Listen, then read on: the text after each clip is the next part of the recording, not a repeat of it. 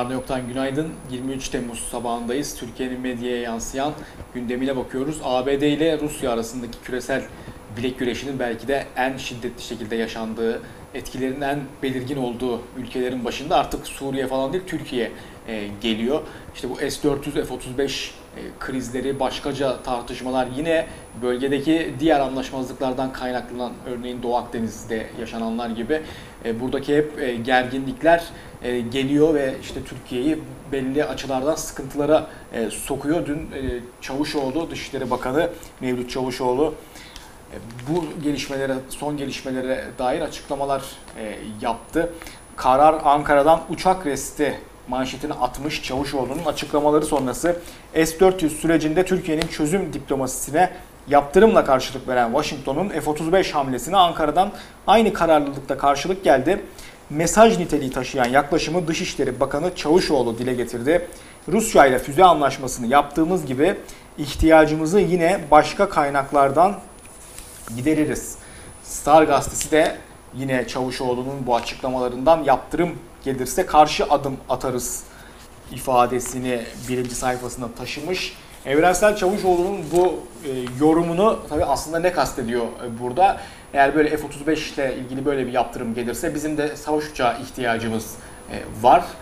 Kendi ağzından onun diliyle söylemek gerekirse. Dolayısıyla biz de bu ihtiyacımızı yine Rusya ile gideririz. Ona uygun uçakları Rusya'dan alırız. Evrensel'de Çavuşoğlu'ndan F-35'e karşı yeni silah sinyali demiş. Tabii bütün bunlar önemli çünkü hani bir yandan da tüm bu gelişmelerin ortasında Türkiye çok ciddi bir ekonomik kriz e, zaten yaşıyor ve e, bu durumda kaynaklarını silaha e, aktarmaya devam ediyor. Aslında ABD ile Rusya arasındaki işte bu kavganın Türkiye üzerinde yoğunlaşan veçelerine biz de silah gündemiyle dahil olmuş oluyoruz ve kaynaklarımızı aslında buralara çok e, güçlü bir şekilde harcıyoruz. E, biz belki hani direkt bunların e, maddi karşılığını hissetmiyormuş gibi davranabiliriz ama aslında her gün gelen zamlara ya da hayatın her gün ne kadar pahalandığını zaten farkındayız. Bütün bunların bu gelişmelerden çok da ayrı olmadığını görmek lazım.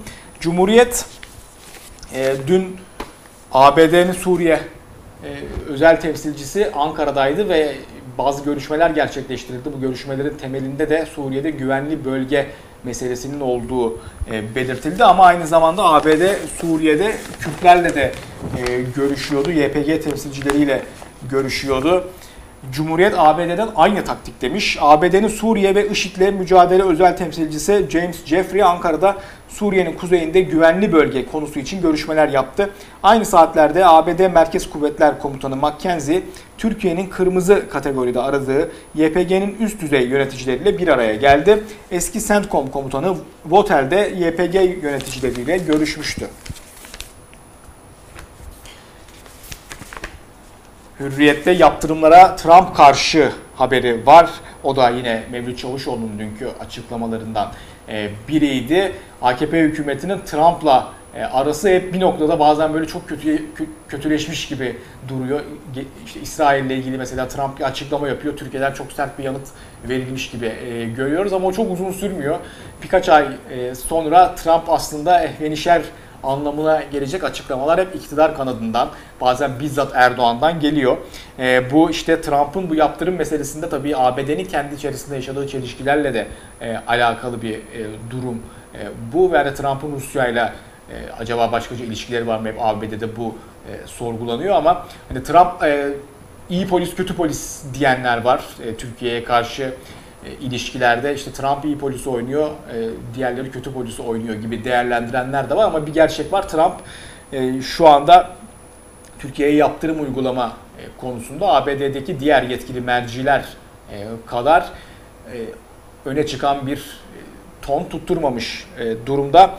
Mevlüt Çavuşoğlu da Trump yaptırımı uygulamak istemiyor, Türkiye'yi kaybetmek istemiyor diye bir açıklama yapmıştı dün. Tabii e, iktidardan sürekli bu ve benzeri açıklamalar e, geldikçe muhalefet de e, bir şekliyle yani bu as, aslında tabii ki bir anti-emperyalizm ortada öyle bir anti-emperyalist duruş e, falan yok ama iktidar hani biz anti-emperyalist duruş sergiliyoruz havası e, oluşturmaya e, çalışıyor. Bunu da aslında daha çok şöven söylemleri öne çıkartarak e, yapıyor. Muhalefet de buradan biz de buradan geri kalmayalım. Biz de e, işte o ulusal değerlerin biz de en az AKP kadar takipçisiyiz mesajı e, vermek istiyor kendince. İşte Cumhuriyet'te Şamaroğlan'ı e, değiliz haberi var. O biraz ona benzer bir şey. CHP'li Öztürk ABD'nin F-35'leri vermemesi ve yaptırım söylemlerine sert çıktı. Sözcü'de bir zamanlar ABD'ye böyle res çekmiştik. Ee, Hüseyin Kıvrıkoğlu'nun açıklamasını manşetine taşımış. Amerika Irak'a girerse biz de Kandil'e e, gireriz. Yani bugün de ona benzer bir şey yapalım. Eğer Amerika bize böyle diyorsa biz yine tabii ki yani buradaki Kandil'den kasıt aslında son kertede Kürtler oluyor. E, Amerika bize böyle yapıyorsa biz de Kürtlere şunu yapalım e, gibi bir karşılığa geliyor bu ve yani Türkiye'de muhalefet muhaliflerin üzerinde bu hani çok genel manada aslında e, karşılıkta bulabilecek bir şey. Yani çok olumsuz karşılanmaz aslında bu tip e, söylemler. Sözcü ve CHP'de CHP'nin bazı e, kanatları da sürekli e, buraya oynuyorlar. Yeni Yaşam'ın manşeti güvenli bölge mi Rus ruleti mi? Türkiye hem Kuzey Suriye hem de Federe Kürdistan sınırına askeri yığınağını sürdürürken diplomasi trafiği hızlandı. ABD'nin Suriye özel temsilcisi Jeffrey Ankara'dayken Mackenzie Kuzey Suriye'ye gitti. Bir günde Ayrı Kozanoğlu, profesör, iktisatçı, e, emperyalizm yeniden başlıklı bir yazı yazmış. O aslında hani tüm bu tartışmalar aslında e, esasında nereye ne, nelerin sonucu biraz bunları irdeliyor. Rusya'dan S-400 alımı Doğu Akdeniz'de enerji savaşları benzeri konuları emperyalizm ekseninden kopuk ele aldığımız zaman ne gerçekçi bir analiz yapabiliriz ne de doğru bir politik tutum alabiliriz. Her iki konu da bir yandan ABD'nin başını çektiği Atlantik hattıyla Çin ve Rusya liderliğinde yükselen Avrasya blokunun küresel hegemonya mücadelesinin bir iz düşümüdür diyor Hayri Kozanoğlu. Tabii e, bölgesel gerginlikler bununla sınırlı değil. Aynı zamanda İran özelinde de e, İran ABD, İran son günlerde İngiltere öne çıktı e, örneğin. Böyle karşıtlıklar da son günlerin en önemli gündem maddelerinden biri. Evrensel'de Mustafa Yalçıner'in yazısı var.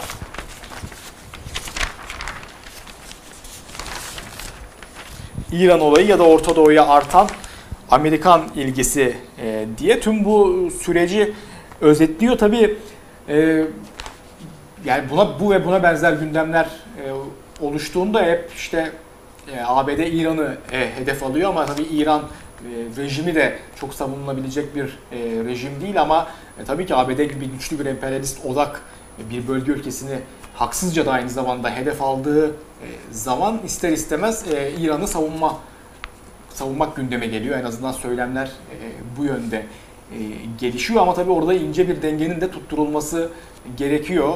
E, Yalçınay biraz e, buna değinmiş. O bölgeyi okuyalım. Bu arada biz lanetlidir deyip Amerikan emperyalizmi karşısında İran'ı destekleyip Rus ve Çin emperyalizminin yedeğine düşmeyi göze alarak kendi gericiliğinin kıskacındaki İran halkının lanetini tabii ki hak edemeyiz. Elbette İran halkının yeraltı ve yerüstü kaynaklarına göz diken Amerikan emperyalizminin saldırganlığına karşıyız. Elbette Amerikan emperyalizmi saldırıya kalkmışken onu bırakıp başkasıyla uğraşacak değiliz. Ancak emperyalizme burjuvasinin değil İran işçileri ve halkının penceresinden onların çıkarlarını savunarak karşı çıkacak ve emperyalistlere dayanarak emperyalizme karşı mücadele edilemeyeceğini açıklayacağız. Bu yani benzeri Türkiye'de de yani Türkiye içi gündemde de Türkiye için muhalefette de aslında sık sık karşılaşılan e, bir sorun. Meseleyi en temelde e, işçi sınıfının çıkarları yönünde ele almayınca, halkların kardeşliği sorunu e, temelinde ele almayınca bu sizi her zaman için milliyetçi, şoven bir noktaya sürükler. Siz her ne kadar işte kendinizi bu şöven tutumun önüne bir sosyal sıfatı e, eklemeye kalksanız da yani hani işte biz, biz anti-emperyalistiz, kapitalizme karşıyız vesaire gibi genellikle aydınlığın yaptığı gibi e, ortaya koymaya çalışırsan, e, çalışsanız da eğer bu iki temelden uzaklaşırsanız ki bu aslında meselenin temeli her zaman e, kapitalizm karşıtlığı ve işçi sınıfının e, çıkarlarını e, önde tutmak ve internasyonalizmdir. Ama e, bunu gerçekten hayata geçiremiyorsanız çarpık tutumların oluşması kaçınılmazdır. E, bunun önüne geçebilmenin yolu da Yalçıner'in aslında bu yazısında bahsettiği e, kriterlerdir. Onu yeniden hatırlatmış olalım. Yine bu gelişmelerle de bağlantılı aslında ama hani Türkiye'de bugün e, mülteciler çok ciddi bir gündem maddesi. Yeni Şafak'ın manşeti bu oyunu gördük şeklinde mültecilere kapıyı kapatan Batı ülkeleri 4 milyondan fazla mülteciye ev sahipliği yapan Türkiye'yi mülteci düşmanı gibi göstermek için algı operasyonuna başladı. Kaydı bulunmayan bazı Suriyeliler sınır dışı edilirken kaba davranılması bu operasyona malzeme sağladı. Türkiye mülteci oyununa karşı gerekirse kapıları açmayı planlıyor. Yeni Şafak manşeti böyle. Diğer gündemlere de bakalım. Sonra Evrensel'de İhsan Çaralan'ın yazısı var. Bu yine aslında e, hem meseleyi özetleyen hem de asıl tutum nasıl olmalıdır ona e, güzel bir şekilde ortaya koyan bir yazı. Bir günde önce misafir dediler şimdi istemiyorlar haberi. Valiliğin dün yaptığı açıklamaya göre İstanbul'da yaşayan 1 milyondan fazla yabancı uyrukludan kentte yasal kalış hakkı bulunmayanlar kayıtlı olduğu illere sevk edilecek. Kararı bir güne yorumlayan Profesör Doktor Murat Erdoğan, sürecin en başında hata yapıldı. Meseleyi kontrol etmek istiyorsak ilgili kurumları güçlendirmek, konuya ilişkin iletişim zafiyetlerini ortadan kaldırmak gerekiyor. Toplumu ve Suriyelileri iyi bilgilendirmek gerekiyor. Şimdi İhsan Çaralan'ın yazısına bakalım. Mülteci sorunu değil, Türkiye'nin mülteci politikası sorunu var. İhsan Çaralan yazısında e, Suriye krizi başladığından bu yana Türkiye'nin temel Suriye'ye e, müdahaledeki yaklaşımlarını, e, Suriye'den çıkan mültecilere yönelik e, yaklaşımlarını ve bunun arkasındaki gerçek nedenleri hatırlatıyor. Yazısında o kısmı e, bir ayrıntılı açıkladı. Bir de özetlediği bir bölüm var. Biz özetlediği bölümü alalım. Kısacası AKP hükümeti mülteci sorununu önce Esad rejimini dünyanın gözünde kendi halkına zulmeden bir rejim olarak göstererek yıkılmasına meşruiyet kazandırmak için kışkırttı. AKP ve Erdoğan bu vesileyle kendisini mazlum halkların koruyucusu, İslam'ın kurtarıcısı olarak ilan etti. Sonrasında mültecileri AB ile sorunları çözmede tehdit olarak kullandı. Ve nihayet mültecileri ucuz iş gücü yaparak asgari ücretin üçte biri yarısı gibi ücretlerle çalışmaya mecbur bırakarak onları sanayi ve toprak zenginlerinin sömürü dayanağı haline getirdi. İktidar aradan geçen 7-8 yıl boyunca muhalefetin de yardımıyla mültecileri böyle kullanmasına rağmen son seçimlerde mülteci politikasının eskisi gibi prim yapmadığını gördü. Dolayısıyla AKP iktidarı ağız değiştirdi. İçişleri Bakanı Soylu İstanbul'a yeni mülteci kabul edilmeyeceğini, suç işleyen ve kaçak mültecilerin ülkelerine iade edileceğini ve mültecilerin ülkelerine dönmeleri için teşvik edileceğini açıkladı. Böylece milliyetçi odakların mültecilere yönelik tacizlerini linç düzeyine vardıran bir baskı ve provokasyon ortamının da önü açılmış oldu. Ki zaten hani bunun öncesinde de e, sıklıkla benzer e, linçler, provokasyonlar e, görüyorduk.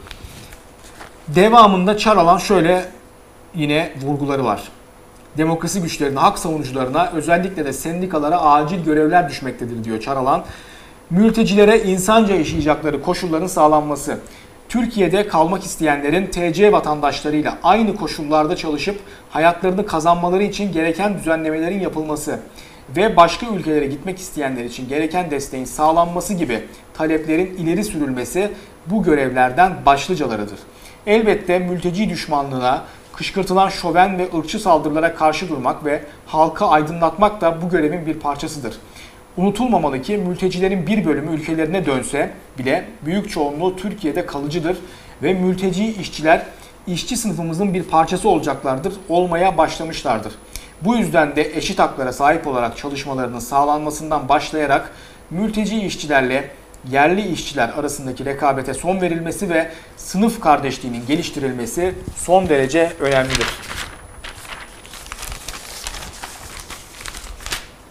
Şimdi bu bu konuda örnek bir yazı. Hani yani bu meselede ne yapılması gerekiyor? Çaralan'ın yazısında var. Ne yapılmaması e, gerektiği de her zamanki gibi bu konuda zaten her zaman başvuracak. Herhangi bir konu olabilir bu. e, her zaman başvuracağınız kişi Ahmet Hakan olacaktır. Şimdi bir yazı yazmış. Şerefsizliğin resmini çizmeyi başaran Suriyeli diye. Dün bu işte mültecilere yönelik baskılar e, sonrası sosyal medyada bir görsel e, dolanmaya e, başladı. Türkiye bayrağına bir e, bayrağı üzerinden yapılmış bir çalışma ve oradaki hilal mültecileri kovalayan bir şekilde çizilmiş. Şimdi bu yani çizim eleştirilebilir belli yönleriyle. Çizimi yapan kişi eleştirilebilir. Ama yani bunu gündemin en önemli parçasıymış gibi e, ele aldığınızda ve işte başlığa da böyle bir ifade çıkardığınızda şerefsizliğin resmini çizmeyi başaran Suriyeli e, gibi yani hani burada yazının içeriğinde ne söylüyorsanız söyleyin aslında hedefinizin başka e, olduğunu ortaya koyuyorsunuz anlamına gelir bu.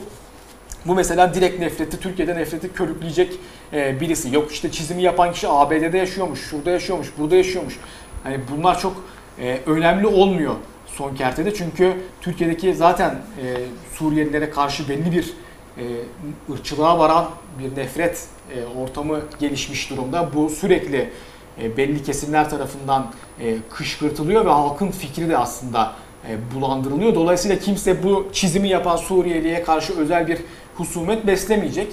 Bu çizimi de bahane ederek genel olarak Suriyelilere karşı olan nefretini varsa eğer arttırma yoluna gidecek. Bu yazı da bu işe yarayacak. Bir de yani yazıda öyle bir hava var ki işte biz insanlığımızı göstermeye devam edeceğiz demiş Ahmet Hakan. Yani işte biz bakın biz size yani hep e, Suriyelilere yönelik bir üstten e, bakış açısı aslında nefret nefret olarak bunu ortaya koyanlarda da var.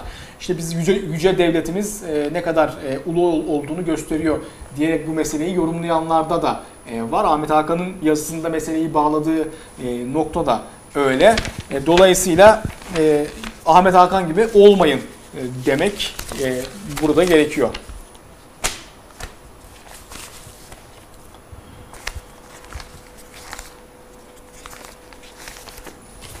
Cumhuriyet'in manşeti öğrenci kaçtı, MEP kovaladı. LGS'de boşta kalmak istemeyen öğrenci İmam Hatip Lisesi'ni seçti. Ozan Çepli'nin haberi. Öğrencilerin %95'i LGS'de bir okula yerleşti ancak Milli Eğitim Bakanlığı raporuna göre boşta kalmak istemeyen öğrencinin İmam Hatip Lisesi'ne mecbur kaldığı ortaya çıktı. Eğitim danışmanı Ali Taş'tan öğrenci aynı lise türünden tercih sınırı olduğu için son tercihlere İmam Hatip Lisesi ya da Meslek Lisesi'ni yazmak zorunda kaldı. 10 İmam Hatip Ortaokulu öğrencisinden 4'ünün İmam Hatip Lisesi'ne gitmek istemediği görüldü. E, düzeltiyorum. Bu Figen Atalay'ın haberi. Altındaki Ozan Çeplin'in haberi. Onunla devam edelim. Fen Lisesi görünümlü İmam Hatip Sınavla öğrenci alan Anadolu İmam Hatip liselerinin sadece ikisini hafızlık projesi uygulayan liseler Geri kalanını fen ve sosyal bilimler programı uygulayan liseler oluşturdu. Sınavla öğrenci alan bazı imam hatip liseleri %51.9'luk dilimden yani 535 bininci sıranın ötesinden hatta bazıları da 97.72'lik dilimden yani sınavda 1 milyonuncu sıranın da ötesinden öğrenci alımı yaptı. Bir günün manşeti zorunlu imam hatip mevsimi şeklinde yine benzer bir e, şekilde LGS'de öğrencilerin birinci tercih fen liseleri olurken İmam Hatipler yine son sırada kaldı. Milli Eğitim Bakanlığı bu yılda İmam Hatip liselerine öğrenci avına çıktı. İsmail Arı'nın haberi bu da.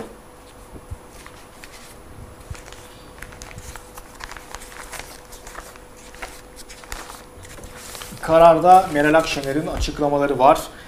Yeni partiler alternatif olur, erken seçim gündeme gelir biliyorsunuz. AKP içerisinden yeni partilerin doğması e, gündemde.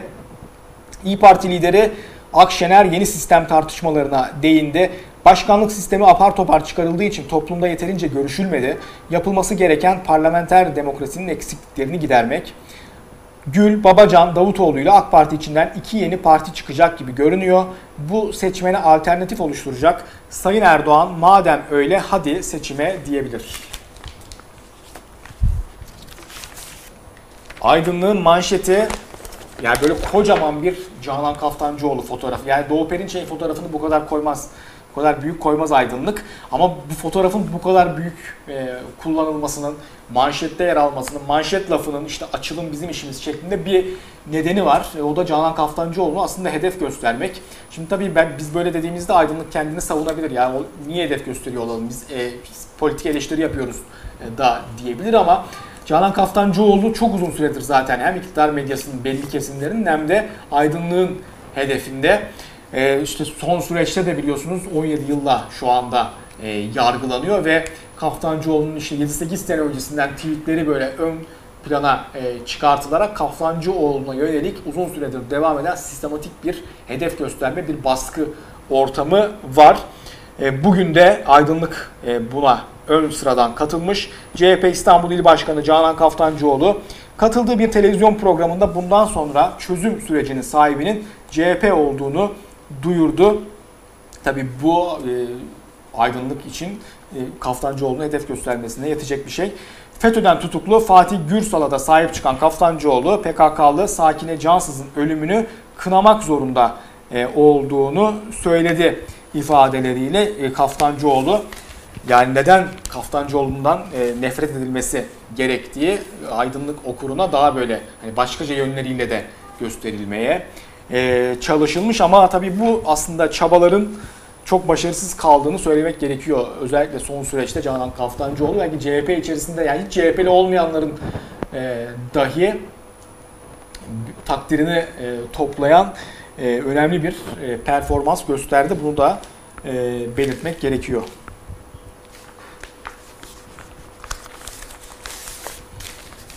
Evrensel'in manşeti çok e, ya güzel bir haber, önemli bir e, manşet. Meltem Akyol ve e, Uğur Ökdemir'in haberi teker üstünde geçen mevsimlik hayatlar. Yaşadıkları kentlerden daha uzun zamanı çalıştıkları kentlerde geçiren mevsimlik işçiler için hayat kendi deyimleriyle teker üzerinde geçiyor. Şöyle önemli noktalar var haberden manşet spotlarına da alınan onları kısaca aktaralım bir gün bir gündür diye cinsiyetini öğrenemedik mesela. İzmir, Adana, Rize, Bursa, Düzce, Ordu ve daha adını sayamayacağımız onlarca şehirden hasat zamanı yollara düşen mevsimlik işçilerle Bursa Yenişehir'de konuştuk. Emine 27 yaşında 8 ay olmuş evleneli 6 aylık hamile. Bir evmiye gitsin diye ne bebeğin cinsiyetini öğrenebilmiş ne de sağlık taraması yaptırmış. Hüsniye ve eşi Ali 25 yıl sonra alabildikleri evin borcu için bir çocuklarını da yanlarına alıp düştüler yola. Milli eğitimde kamu emekçisi olan Ali, mevsimlik işçinin hayatı bu. Pikapla geliyoruz, çocuğum kasanın kenarında oturuyor, yüreğim ağzıma geliyor ama diyor. Hüsniye de ekliyor, çocuklar okuyor, borç var, el mahkum. Elif 22 yaşında Mardin'de üniversite öğrencisi. İki seçenek var aklında ama gelecekten kaygılı. Akademisyen olmak istesen destek yok. Öğretmen olmak istesen atama yok. O yüzden gençler Türkiye'de kalmak istemiyor. Umudu gidiyor dışarıda arıyor. Suriyeli Ayşan ise umudu Türkiye'de arıyor. Güzel bir hayat istiyorum.